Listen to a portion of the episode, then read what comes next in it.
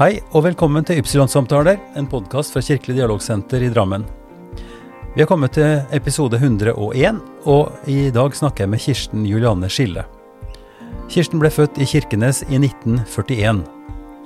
Under de hyppige bombeangrepene, og da de tyske okkupantene trakk seg tilbake og brente byen, flykta folk inn i gruvegangene i nærheten, og bodde der i perioder.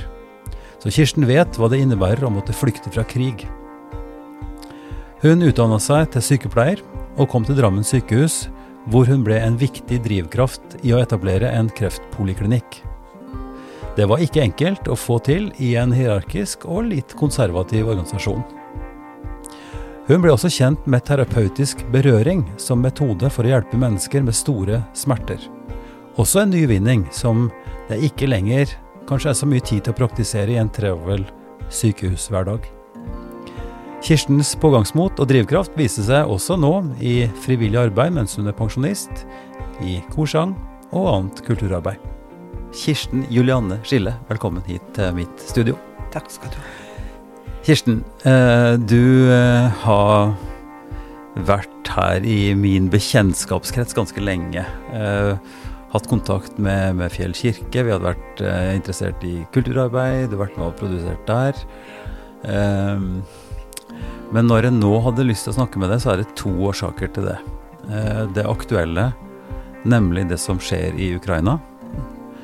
Eh, med flyktningstrømmen og det som nå så klart for alle praktiske formål oppleves som russisk aggresjon. Eller Putins regimes aggresjon.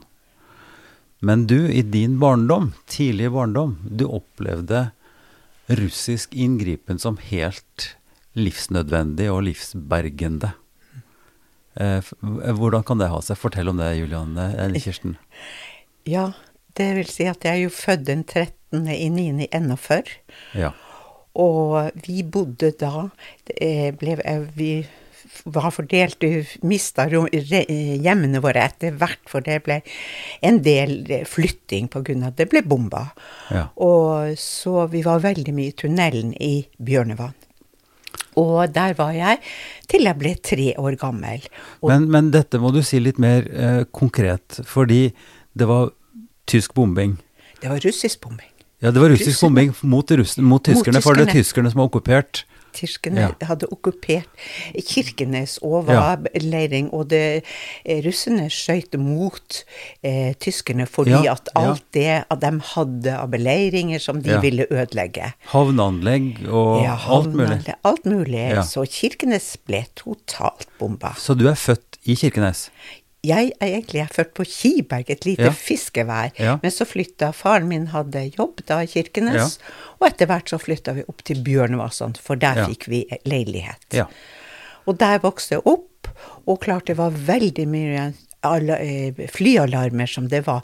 De sier jo at det er det meste i hele Europa som var. Det var i Kirkenes. Og, hvor, hvor mye husker du av det? Jeg husker veldig lite. Ja. Jeg husker veldig, Jeg var tre år da eh, frigjøringa kom. Ja. Eh, så jeg har bare gode minner om det fordi at jeg ble godt tatt vare på. Ja. Og jeg forestilte meg at det var i et bomberom som var veldig stort. Ja. Men etterpå, jeg kom tilbake da 50 år etter krigen, og da mm. ble jeg spesielt invitert. Og det var veldig spennende å høre mange historier derfra. Og mm. da traff jeg en del som hadde vært i bomberom og bodd ved siden av meg. Jeg kunne fortelle at bomberommene var veldig små. Og mange prøvde nok å grave og gjøre de større. Ja. Og vi fikk hjelp med teppe tepper, og det er jo det vi hadde, tepper. Ja. Men jeg har mange ganger lurt på hva var det som har reagert på med fuktige tepper? Det har alltid vært hos meg på noe som minte meg om noe, men jeg klarte ikke å få helt tak på det. Nei. Og da når jeg kom til 50-årsfrihøringa, så kunne jeg fortelle det at om de fuktige teppene og det fuktigheten som var i gruvene. Ja. Men jeg kan ikke huske noe av det. Altså, jeg kan huske en som tok godt vare på meg og lekte med meg. Ja. Og sang for meg. Ja. Det er mye. Så jeg har gode minner. Så, og Bjørnevatn, det er jo et gruvesamfunn. Ja. Så det, det er mange gruvesjakter, eller gruvetunneler. Ja. Uh, og, og, det var altså de tunnelene som lokalbefolkninga, du da, og din familie, ja. Eh, tok tilflukt i når Når, når, Når alarmen gikk. alarmen gikk, ja. Og Ja. det skjedde ganske da ofte gjennom flere år. tett. Veldig tett. Og da kan du si at det var jo fra 2000 til 3000 mennesker som var inne i gruen, og mange hadde telt, og de lagde seg køysenger, og det, mange innordna seg. Og helt ytterst, men det er blitt fortalt, var det toalett helt ut i eh, åpningen av, eh, ja. ja, av tunnelen. Men det var tunneler liksom innover, flere armer innover, Ja. og der innreda folk seg. Og hjalp. Og delte mye. Ja. Og det ble jo født ti barn der. Ti barn født? Ti barn ble født der. Ja. Altså, jeg syns det er så klart både interessant og dramatisk. Eh, du sier at folk innretta seg, de hjalp hverandre. Det var, og du som lite barn husker det tilbake som noe positivt, på en Ja. måte, for at de opplevde omsorg og Ja. sånt. Vi hører jo nå det helt motsatte. Mm. Eh, av de nesten tre millionene som har flykta fra Ukraina når vi snakker sammen nå, Mm. eh, så er det ca. halvparten som er barn. Mm. Og mange sterkt traumatiserte. Fordi de opplevde bombenedslag og opplevde Mm. husene sine bli Ja, altså alt det som krigen og de redslene har ført med seg, og avskjed fra far og, Mm. og familie og sånt noe.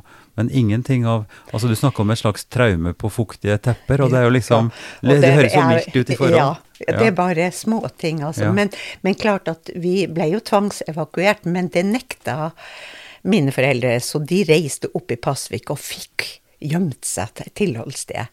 Så de nekta å bli evakuert. Og var, når snakker vi om da? Da snakker vi om i 43, altså i 44, tidlig Ja. i 44. Ja, så var det jo, for da begynte, de var jo redd, tyskerne var jo redd russen. Ja. De, ja. Ja. Så dermed sagt så, og da, sånn var det jo også at de brant, brent jordstaktikk. Ja. Så, eh, Så, så pålegget om evakuering, det var tyskerne som ga til familien Ja, din? ja. Men eh, det ville ikke din familie, din far og mor, så de, dere rømte? så vi rømte og bodde oppe i Pasvik. Ja. Og bodde hos, i, hos noen venner i ei Ja. hytte. Ja. Så det var veldig Ja, så jeg tror at jeg, jeg har nok hatt Jeg, jeg har blitt godt ivaretatt Mm. under krigen, det må jeg jo si. Ja. Så, så det er jo den direkte erfaring og det sammenlignbare som ikke likevel er sammenlignbart. Nei. Men altså krigstilstand, bombing, Mm. tilflukt eh, og naboer som hjelper til, eh, fellesskap i, i, i det bomberommet som du kaller det, altså i gruvene i Bjørnevann. Men det som eh, som også er like viktig å snakke om, det er jo den eh, frigjøringa. Altså at tyskerne, nazistene, var redde for russerne, med Mm. god grunn. Ja. Fordi eh, det var jo store slag, og vi har jo Var det i fjor eller i forfjor at vi markerte Det var i hvert eh, fall i 19 var det i ja. 75-årsjubileet. Ja, ja. Ja. Ikke sant? Så, Ja. så vi har, og det er stadig vekk eh, både ja, og fjernsynsprogram og, og ellers Mm. oppmerksomhet rundt den, Mm. den innsatsen som eh, den russiske armeen, med store tap naturligvis, mm. eh, eh, bidro til å frigjøre Nord-Norge. Ja. Og, og det har fått, eh, og har fremdeles stor betydning for eh, samarbeidet. Eh, folk mellom folk, folk, folk-til-folk-samarbeid, som vi har hørt mye om. Eh, hva, hva kan du fortelle om det, fra din synsvinkel? Altså, jeg har blitt fortalt at mange av de, russ, de russene som kom og frigjorde Sør-Varanger en gang, det, de var veldig positive, var vennlige mot ungene. Eh, så det var bare godhet snakk om det. Det var vennlighet. Mm. Ikke noe vold, ingenting i det hele tatt. Og det har vel kanskje etter hvert også utvikla seg til det som er i dag, tror jeg. Altså for den tette bånda som er i dag i nord. Da tenker jeg spesielt i Sør-Varanger. Veldig mye, mange som jobber i Kirkenes, på Kimek og rundt. Og veldig, du kan jo si det er jo nesten 1000 russere som bor i Kirkenes i Ja. dag. Gift med norske menn og motsatt. Ja. Så øh, ja. Så det er Og, og ganske mye trafikk over grensa. Så at det har vært, ja.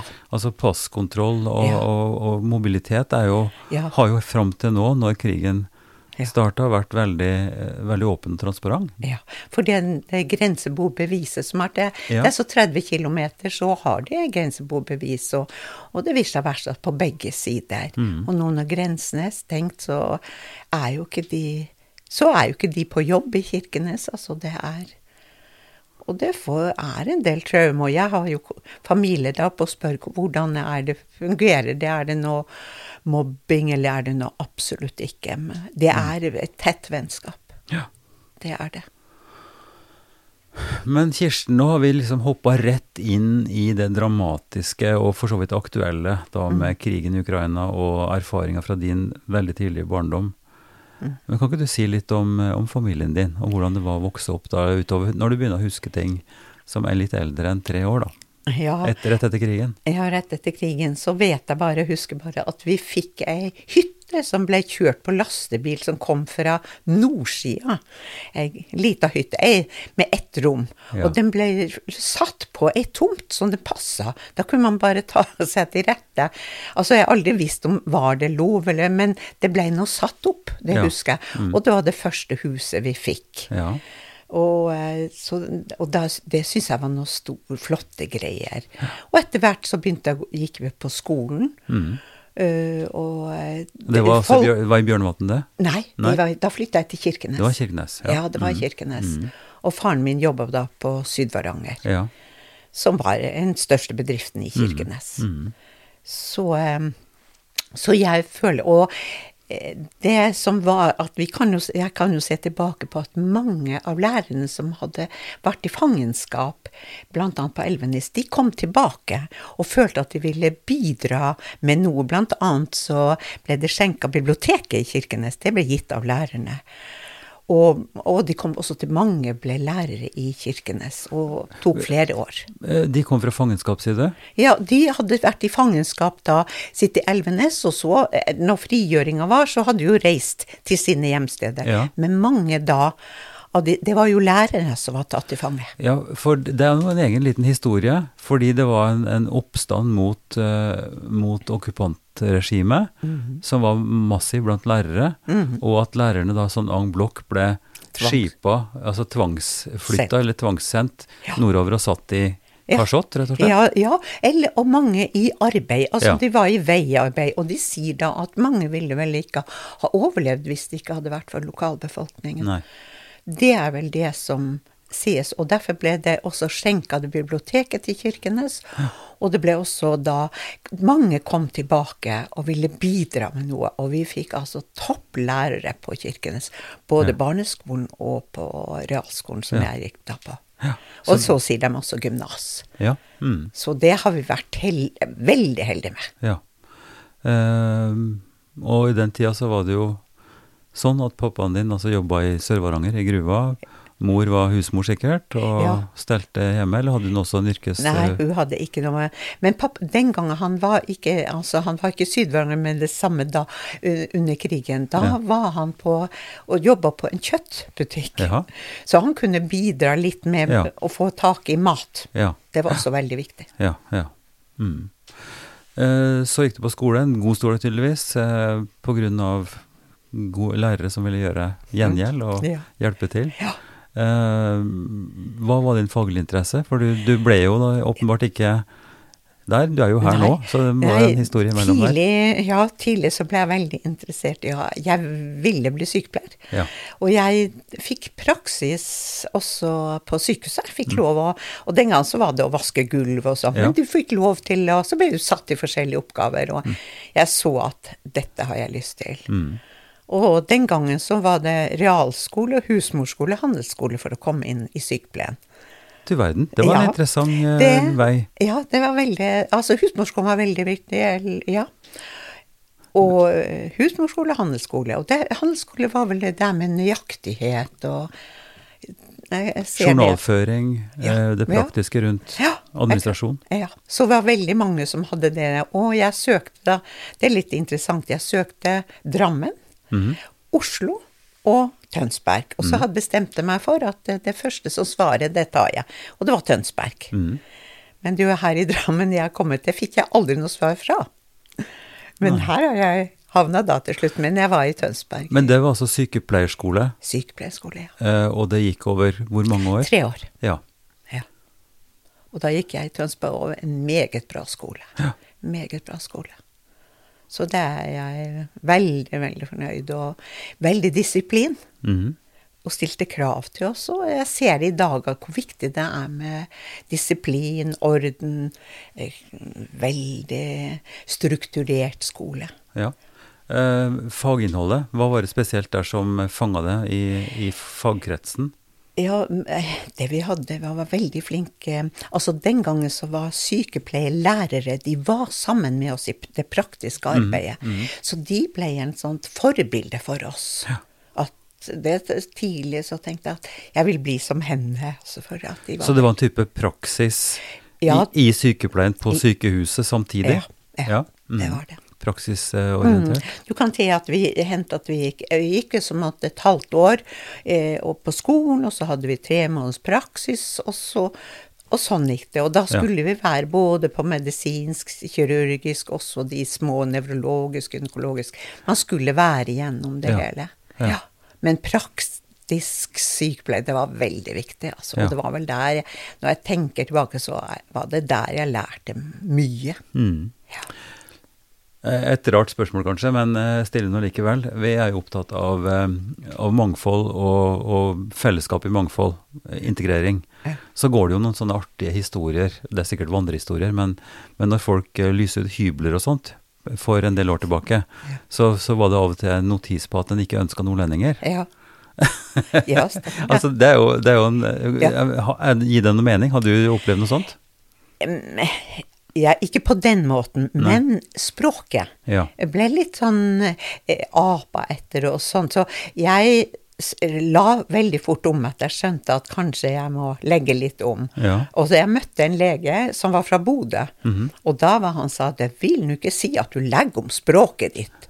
Det syntes han var stor skam. Ja. Ja, men eh, jeg syns det var vanskelig. Ja. Jeg var ikke, var ikke sterk nok til å stå imot. Det var ikke. Når vi hører det snakke nå, eh, Kirsten, så har du jo en helt distinkt klang, eh, tone, som, Mm. som avslører deg som nordlending. Eh, hvordan, hvordan snakker du når du er tilbake igjen, eventuelt, og snakker med folk som er fra, fra Kirkenes og sånn nå? Er det Og da er nok enda mer eh, finnmarking. Altså. Ja. Men det er jo fordi at nå er jeg gift med en finnmarking, så klart vi holder på språket nå. Ja, ja. Og, og klart at da er vi to som eh, snakker det, altså. Jeg Ja, tror det ja. har vært veldig viktig. Ja. Ja. Mm. Det er, det er gjenkjennbart. For min egen del så, så vil jo en, en oppdaling si at det knoter, fordi at jeg, jeg nå har jobba og, og hatt min virksomhet her på Østlandet, i, og, og da snakker nokså normalisert bokmål. Mm. Men med en gang jeg passerer Dovrefjell, eller snakker med oppdalinger eller andre som har tydelig dialekt, så forandrer dialekten min seg òg. Ja. Ikke sant? Bare nå når jeg forteller om det her, så blir det plutselig Ja, og bare en telefon Ja, nordfra, ja, ja, så kunne ungene høre Ja. 'Å ja, du har hatt telefon nordfra', ja. Ja, ja, ja. ja. Men eh, det er jo ikke langt fra Tønsberg til, til Drammen. Nei. Eh, og det var vel sånn nå at drammensere sånn fylkesmessig, altså mange var knytta til Vestfold Ja. og, ha, og ble sendt på sykehus der, Mm. istedenfor til, til Oslo eller faktisk til Drammen òg. Ja, de kom fra Gullskogen, det var så spennende. Og når jeg i dag etter hvert skjønte hvor Gullskogen var, så kom helt til Altså da Det lå under Vestfold. Ja. Helt opp til Gullskogen. Mm. Så det var over, altså. Det husker jeg vi undra oss over. Vi syntes det var langt. ja. Ja. Folk med blindtarmbetennelse liksom har Ja, kjørt ja. eh, langt nedover dit Ja, istedenfor ja, å komme eh, Ja, nærmest her. Men eh, hva skjedde? Hvorfor havner du i Drammen? Det var en tilfeldighet. Bodde på Tjøme. I et, et hus som var veldig Det var ikke vårt, vi leide det, og han han skulle også ha det sjøl. Og det var akkurat det året var det rotteår, så det var helt forferdelig Oi, da jeg på Tjøme. Ja. Eh, så jeg varsla, og ved en tilfeldighet så kom mannen min over. Eh, da var det, bygdes det på Fjell. Mhm. Og kom over eh, prospektene der. Og vi kunne tenke oss å flytte til Drammen, så tenkte jeg Drammen, fint sted. Ja. Fin by. Ja. Og det har jeg aldri angra på. Angra på. Jeg er jo veldig glad å gå på ski. Ja.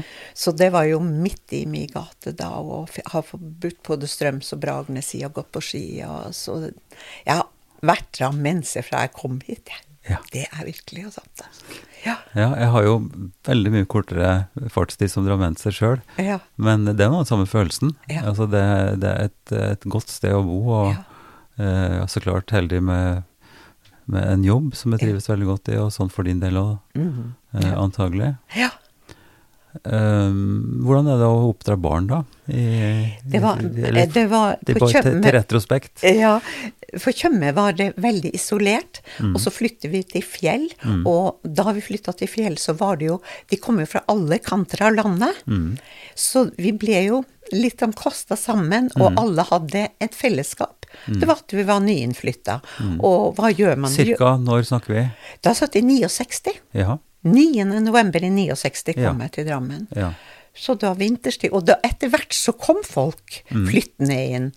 Og det var veldig småbarnsforeldre. ja. Ja. Eller de rundt en De, var jevngamle rundt omkring. Og, og med tomt og bygging av hus og sånt, så snakker vi da om Da den bydelen som vi nå sitter i, Ja. i Austad fjell, Ja. eh, som ble konvertert fra eplehager og, Ja. og gårdsbruk til, Ja. til tomter og nybygg. Ja. Og jeg så jo også, da vi så de prospektene, som var det Så vi låver, og vi så eplehager, og. Mm. jeg syns det så så idyllisk ut. Og klart, når vi kom hit, så var det mange bevarte at vi var oppover her og så at det var en del eplehager, og Mm. Men klart, etter hvert så Bebyggelsen, den ble jo utvida. Men jeg kan huske at jeg feira bursdag nede i en liksom var en liten skrå bekk hvor Vestland, og vi hadde teppe med oss, og, Ja. og feira bursdager ute i det frie. Ja. Og, og det er, jo, det er jo enkelt å få til nå, for det er jo bare å gå litt sørover, oppover i marka, så, Ja. så har vi jo skogen og, og marka veldig tett på, men da var det mer sånn Ja. isbredt innimellom. Ja. Og, mm.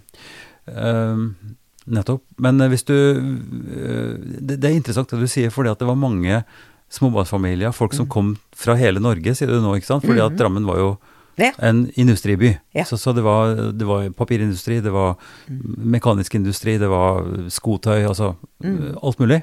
Ja. Det har jo forandra seg. Men det aspektet med at folk òg kom veldig mye lenger fra, altså fra, fra Tyrkia, fra Pakistan, Mm. eh, som arbeidsinnvandrere eh, Hvor mye husker du tilbake fra det, fra den tida, fra den første tida? Ja, altså, det var veldig lite tyrkere som var den gangen vi bodde der Ja, oppe. mm. Det var det. Men jeg tror ikke at uh, i klassen Jeg husker en fra Vietnam som kom eh, Mm. Ja. til sønnen min i Det var båtflyktninger, ikke sant? Ja, det var båtflyktninger. Mm. Og han eh, var på besøk eh, ofte hos oss. Mm. Og ble, de ble Eldste sønnen min han ble veldig gode venner. Og eh, ja. Og da husker jeg han kom og fortalte at jeg måtte passe på at han alltid fikk mat. For når han kom til og besøkte dem i familie i Viet, fra Vietnam, Ja. det er alltid skal du Du skulle ikke gå uten å ha fått noe å spise. Nei, nettopp. Så det var. Nei, fordi historien historia sånn som den er fortalt, og som sikkert er korrekt, og, ja, som er korrekt, at, at det ble sanert veldig mye boliger nede på Brakerøya Mm. eh, i forbindelse med motorveibrua, og, og blokkbebyggelsen her kom opp. Eh, slik at, og det var da tipp topp. Ja. Nye, moderne, fine med Ja. sentralvarme, nye skoler, Ja. alt det der. Slik at, eh, at det var en Ja, det var folk som, som har bodd i Drammen lenge, eller som kom flyttende inn som, med arbeid, som, som ble bosatt. Ja. Og så skjedde det noe når de flytta, eh, ungene ble større og de flytta til Konnerud. Og da kom jo den bevegelsen med, Ja. altså at arbeidsinnvandringen har kommet så langt at det kom flere. Ja. Men da snakker vi litt seinere igjen, Mm. Ja. eh, ikke sant? Ja, og da flytta vi til eh, da, For vi bodde litt trangt. Det var eh, tre gutter inn på et lite rom og køysenger og det hele. Så kjøpte vi et gammelt hus. Mhm. Og flytta dit, da. Og så etter hvert så ble jeg alene med guttene Ja, da. ja. Så da måtte jeg leie ut en del part av Mm. Men jeg var så heldig, guttene var veldig aktive i idrett. Så eh, eldste Truna, og de to andre drev med bryting så, og fotball. Mm. Ja. Så eh, de gled inn i det Drammen, og er ikke verdt annet enn drammensere, de, Nei, altså. nei. Det må jeg si. Hmm. Så er det jo et kapittel som vi må åpne, og det er jo den skal vi si, medisinske altså, eh, erfaringa di, eller jobben som sykepleier.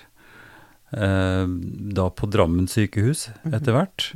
Eh, Jobba du der med en gang, eller har du hatt noe opphold? Nei, eh, jeg, kom, jeg begynte da i 71. Det var stor mangel, og det hørte jeg. Og da tenkte jeg at jeg hadde lyst til å, å prøve meg, men jeg måtte, jeg hadde jo tre barn. Mm. Så da var det ei som var villig i blokka til å være dagmamma for to, og så fikk jeg én i barnehage. Ja. Og da jeg fikk et så bra tilbud at jeg fikk fem dager i uka uten helg. Det var en Ja. sånn start vi fikk. altså Ja, Fikk ja. mange sykepleiere for å dra i gang noen medisinske avdelinger. Og det var veldig, veldig bra. Og sånn kom jeg inn. Mm. Og, og, skaffa, og så etter hvert Der var jeg jo i lang tid. Og var der, i side hele tida etter at jeg begynte der, så bare balla det på seg. Fortell om en, eh, en dag som sykepleier på det tidspunktet i, i Drammen. Ja, det, det var jo buss og med barn til med seg og ha det til i barnehage, det var veldig greit. Men eh, det var Så det var barnehage på sykehuset? Det var barnehage, ja. Ja. Det lå- lå et privat hjem som lå ved siden av sykehuset. Ja. mhm. Eh, og det ble veldig godt ta vare på de barna. Og jeg hadde nok etter hvert muligheter til å få de to andre med, men da måtte man vente på noe. Men så ble det jo snakk om at eh, vi flytta Jeg jobba på noe som heter Gamle lasarettet. Det skulle legges ned. Og ble en hjerteavdeling da. Og var med i den flyttinga og var en sp veldig spennende tid. Så vi ble hjerteavdeling, og det syntes jeg var utrolig spennende. Og der var jeg i mange, mange år. Travelt eh, var det jo, og med vakter og selvsagt når jeg var alene med tre gutter, så var det jo mye som skulle klaffes. Men eh, alt går seg til. Ja. Ja, alt går seg til. Og ungene ble vant til at jeg gikk vakter og, Ja. og helger og sånn, så det syns jeg var, var, fungerte veldig bra. Mm. Men så fikk jeg Så ble de større, og så var, satte jeg rådgivningsgruppe på sykehuset da, og det var for å Vi så at kreftpasienter de sklei i systemet. Det var ikke noe system. Kreft- kreftpasienter. kreftpasienter totalt da, sier livet. Noen lå på De lå på forskjellige avdelinger. Ja. Og det var spesielt kirurgisk poliklinikk som sa at de, de lå på båre og fikk cellegift, og det var veldig ikke noe system. Og da satt jeg, når jeg satt i den rådgivningsgruppa, så var det en av legene som sier at vi søkte da om å få hjelp fra Kreftforeningen til å kunne altså, Hvordan skulle vi gripe det her an? Og da, den gang fikk vi svaret at eh, Kreftforeningen kunne ikke hjelpe andre enn de store regionsykehusene. Ok. Ja, så da måtte vi klare oss sjøl. Og så kom en av legene at han hadde sett at det mm, var, sto en søker søk om elever til eh, videreutdannelse på Radiumhospitalet, om noen kunne tenke det. Og det var der tenkte jeg dette vil jeg. Ja. Det var- når, når snakker vi om da? Da snakker vi i 87. 87. Mm. Ja. Og eh, det var kort frist. 14 dager, så jeg hadde ikke så lang tid på. Jeg kasta meg inn søknaden. Men så måtte jeg jo ha lønn under Ja. utdannelse. Eh, og søkte da eh, direktøren direkte, da, og spurte meg hva Så fikk jeg ikke svar. Og jeg måtte ha svar en sånn mandag, måtte, da, for ellers så sto det kø for å komme. Det var jo mange som sto på reservelista. For. Og da ringte jeg direkte, og da fikk jeg beskjed ringte han meg privat og sa at jeg måtte bare si ja, så skulle vi ordne resten. Og da takka jeg ja. Og det har jeg aldri angra på. Hva var det du gikk inn i da? Hva slags kurs var det? Det var eh, videreutdannelse i onkologi, altså kreftsykepleie i bredde. Det, når du sier onkologi, så er det jo behandling av kreftpasienter. Ja. For det er det onkologien går på. Og var på Radiumhospitalet og fikk Det er klart at det var 24 år siden jeg hadde sittet på skolebenken, så det var og jeg gikk inn til rektor og sa at jeg vet ikke om det her blir Jeg tror ikke jeg forstår alt jeg får taket på det. Og da sa han bare sett deg, du har erfaring. For jeg skjønte ikke alt. eh, Så det var for mye vanskelige ord som ikke jeg Men jeg visste ikke å plassere det. Men etter hvert så har jeg jo aldri angra på det. At for jeg så at det, Jeg var veldig målbevisst. Hva er det jeg vil med dette her? Jo, jeg ville bygge opp en egen onkologisk poliklinikk. Egen onkologisk poliklinikk Ja, det var på Drammen sykehus. på Drammen sykehus. Og det ble hovedoppgaven min. Ja. Hva må til for at et lokalsykehus skal få sin egen poliklinikk? Ja. Og det lærte jeg jo veldig mye av. Og da, da så jeg at vi må ha leger, vi har spesialleger. Det nytter ikke bare med sykepleiere. Nei. Og så helt tilfeldig så møtte jeg en lege som hadde jobba med på Drammen, inn på Radiumhospitalet. Spurte han direkte. Kunne du tenke deg å bygge opp en kreftpoliklinikk? Ja, sa han med en gang. Og han kom til Drammen, og så Men det, sant, jeg var jo ferdig i 88, og vi fikk ikke Poliklinikken ble ikke før i en, februar 91. Så det var en lang vei å gå, for alt henger om økonomi. Men altså, du var jo ikke direktør på Drammen sykehus, du kunne vel ikke begynne å ansette leger og sånt? Men du, du, du, hadde en sympati eller forståelse for at dette her var viktig, og fikk folk ja, med det? Jeg har folk med meg. Ja. Og det, også akkurat i det, må man si at det, i akkurat i 88 kom det mange leger fra Radiumhospitalet, for mange måtte ha indremedisin mm av onkologer for ja. å få spesialitet. Ja. Og mange kom da til mm. Drammen. Mm. Og jeg fikk støtte av veldig mange. Og, så jeg hadde mange i ryggen for å få til noe. Men hva er det det handler om? Det handler om et sted å være. Mm. Jeg måtte ha en plass til å, å behandle det. Mm. Vi har måttet ja, ha kontorer og Mm. sånn. Sengeplasser var ikke, for det, det, så jeg muligheter, men vi hadde kontorer og mye annet. Og vi måtte ha økonomi. Mm. Og da var det altså eh, fylkesmannen som sa Da hadde det stått veldig frem og tilbake, og vi, ja, det var veldig mye kniving om plasser og alt. Og så fikk vi da 2,5 million til å lage et toårig prosjekt Mm. for å bevise at en kreftpolikk er livlaga. For det er det det handler om. Og 2,5 millioner i 90-91 var mer penger enn det vi tenker nå. For, Ja, ja. ja. Men da, i det skulle dekke da alt.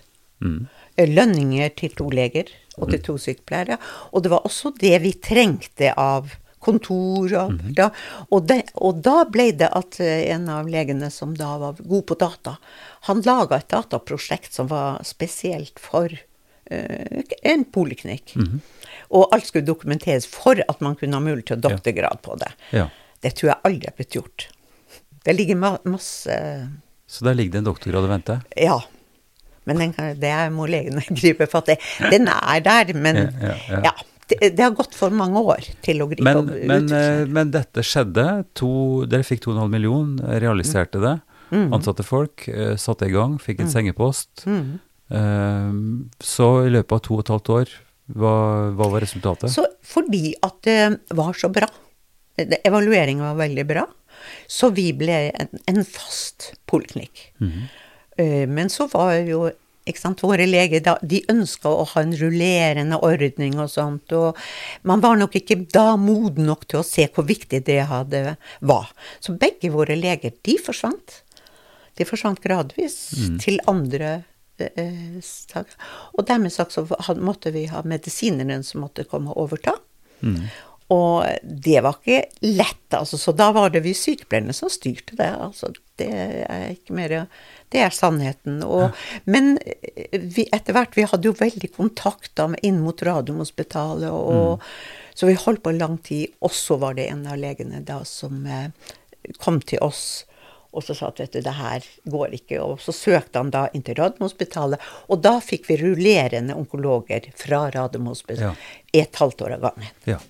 Og da, ja. Og så etter hvert i dag så Nå er det jo Det er ikke til å tro vi var to sykepleiere og to leger. I dag er det 20 sykepleiere. Og er ja, en i hvert fall 10-12, kanskje 15 leger i dag. Og er i forskning og Det skjer utrolig mye i, på Drammen sykehus. Det er jo imponerende, så her kan du sitte eh, som en slags gründer og, og se Ja. på historien og se på resultatet. Ja. Det må føles ganske bra. Ja, jeg har ikke tenkt det sånn, men jeg tenkte hvor viktig det er å kjempe for noe du har tro på. Ja. Mm. Det ser jeg som er veldig viktig. Og jeg ser utviklingen. Og det som jeg syns er så morsomt nå, at det, det er veldig populært å komme som lege til Drammen sykehus. Mm. Veldig. For de får muligheter. Og det er også viktig at sykehuset ser at man må gi legene mulighet. Man må ikke være for firkantet. Og det er jo absolutt ikke bygningsmassen og, og standarden sånn som trekker folk, åpenbart. For det, Nei. det er ganske slitent etter hvert. Ja, men de, de, jeg ser jo hvordan onkologisk poliklinikk har fått større og større plass. Ja. Og, og um, Men å tenke på sykehuset som helhet. Ja. Altså det, er- Ja. det er virkelig på tide å få noe nytt, Ja. og det er jo nå i gang. ja. Eh, så det vil jo reise seg etter hvert. Ja. Men Kirsten, du har jo fortalt meg noe som eh, fascinerer meg veldig. Altså hvordan, en, eh, hvordan dere har jobba og skjønt eh, hvordan smertelindring og, Mm.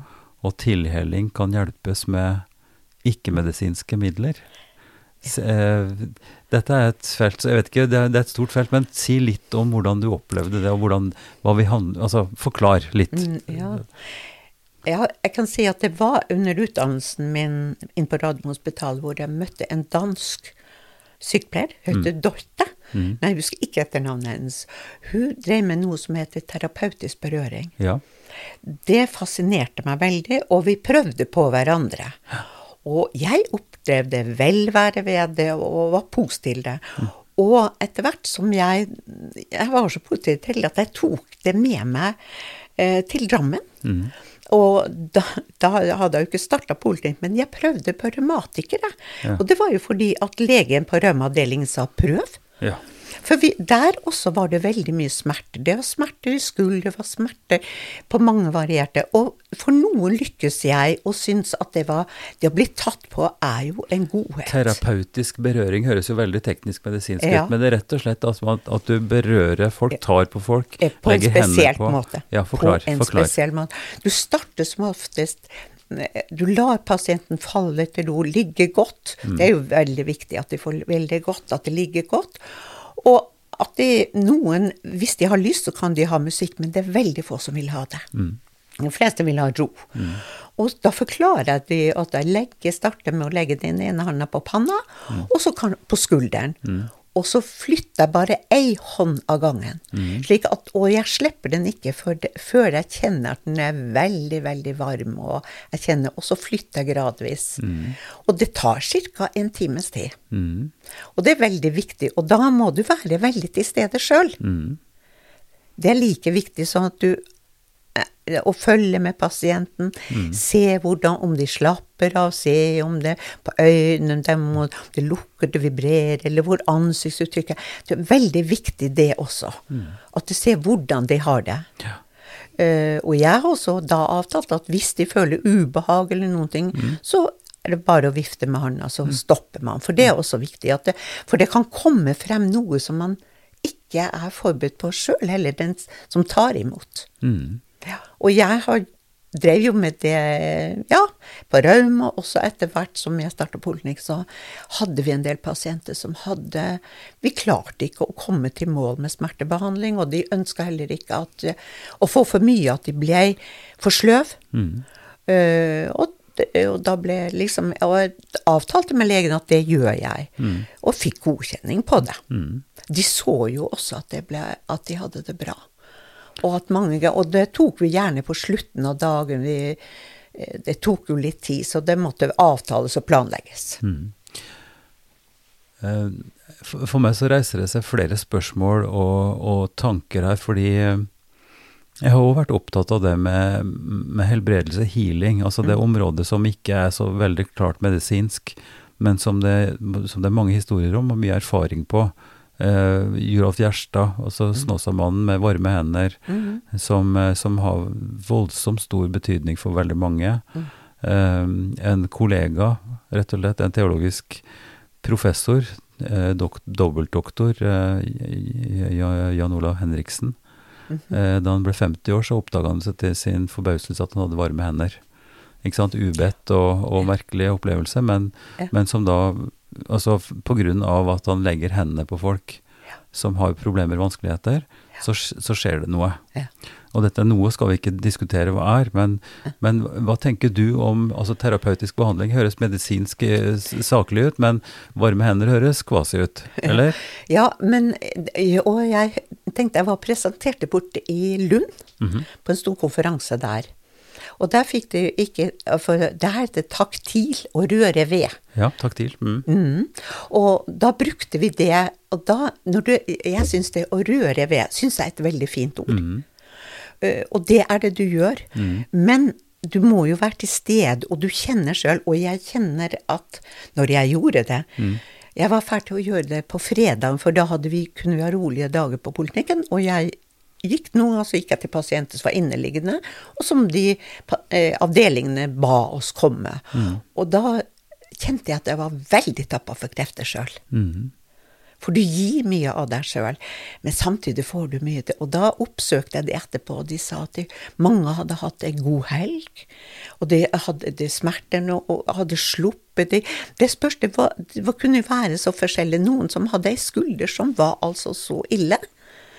Og da når de sa hvor det var, så hadde jeg hendene litt ekstra på der. Mm. Ja. Og de sa at det slapp, og da Ja vel, så godtok vi det. Og etter hvert så Legene så jo det også, og de måtte godta det. Altså, de var jo kritiske til det. Ja, ja. Mm. Men eh, de så jo at For disse pasientene våre Det var jo våre pasienter. Så Altså- hvordan, kan jeg, hvordan kunne jeg bidra? Jo, men, men det, det er så interessant fordi en noen ganger blir kritisk, eh, og skal være kritisk, ikke sant? Når, det, når det kan oppfattes til og med som misbruk noen ganger, at den skal ta seg betalt, og det blir en sånn uh, humbug eh, rundt det. Men på den annen side, når det faktisk er erfart, altså jeg oppfatter det som et relativt godt uh, planta på jorda menneske, uh, med faglig bakgrunn, som, som fikk en idé av et menneske, Mhm.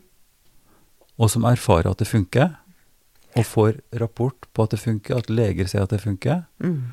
så må man kalle det noe. Ja. Man prøver prøve å sette det inn i en forståelsesramme. Og, um, og jeg har ikke klart å finne noe, øh, noe, noe veldig gode forklaringer på det, men at vi, at vi har en type energi i oss, at vi har uh, en varme åpenbart, men også noe, noe annet øh, som, som gir en effekt, og som blir tatt imot. Altså det er jo ikke Hvis en tar eksempelet da fra spedbarnspleie, Mm.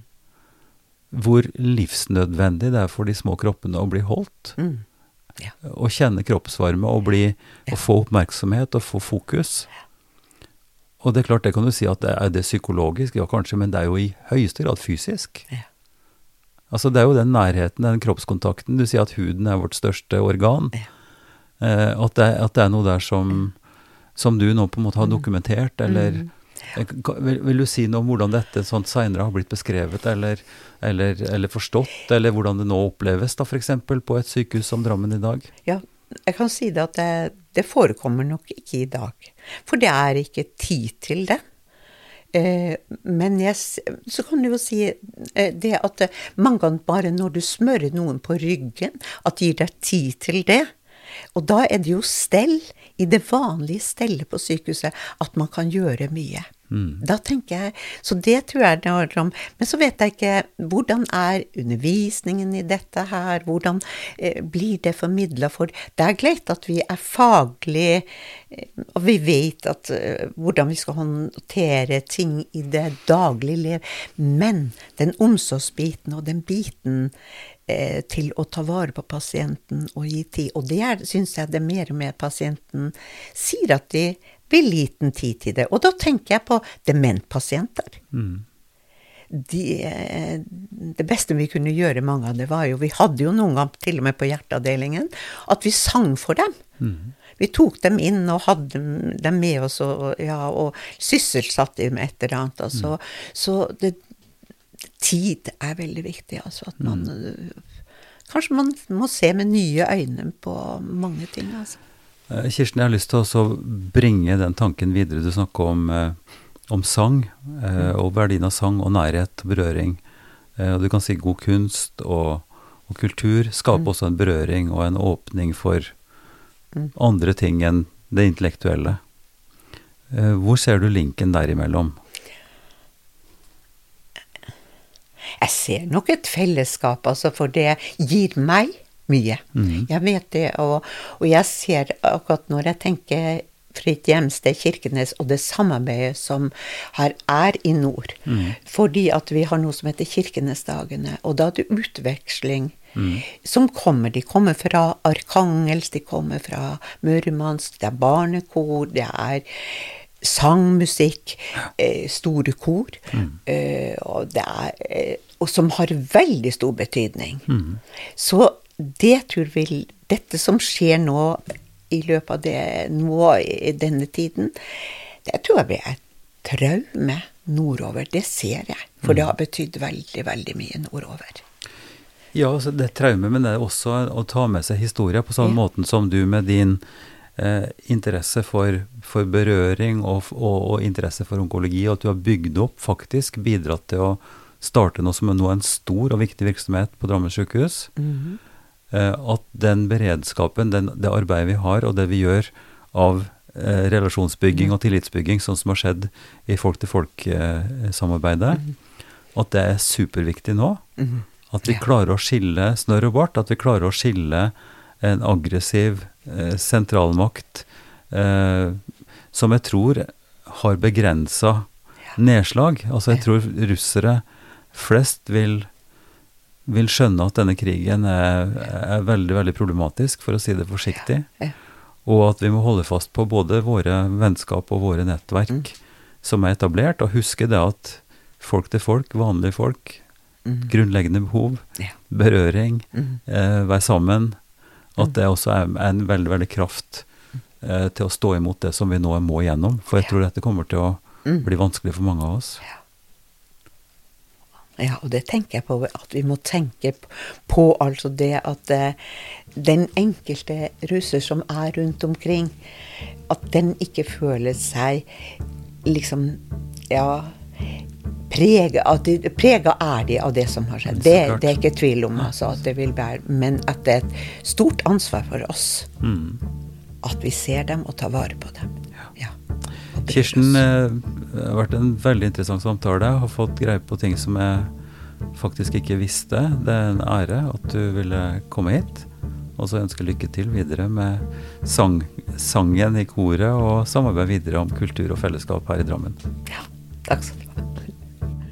Open this gate. Nordmenn tror på Gud, Tear down Allah, this wall. altet og ingenting. Da er vi kommet til Strømsø kirke i serien med medlemmer i Drammen Omegn tro- og livssynsforum, DHTL. Og i dag har jeg med meg Karoline Faber. Hei, Karoline. Hei, Ivar. Fortell litt om hva som skjer i Strømsø nå, for der er det noen endringer på gang som er ganske interessante. Ja.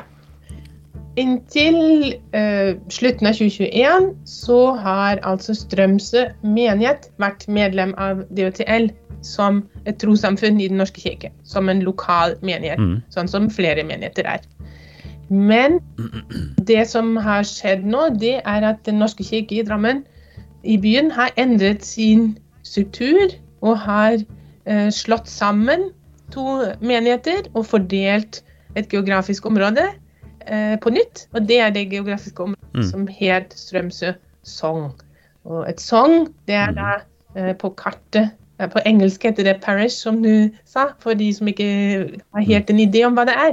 Det er en geografisk Mm. del av et sted eller en by der det bor noen tusen mennesker da, i Drammen, eh, for Drammen sin del, som da har en kirke som de bruker som sin, og som de har rett på å bli døpt i og konfirmert i og har bisettelse i og blir gift i, og som de kan bruke under søndagsgudstjenester om de vil.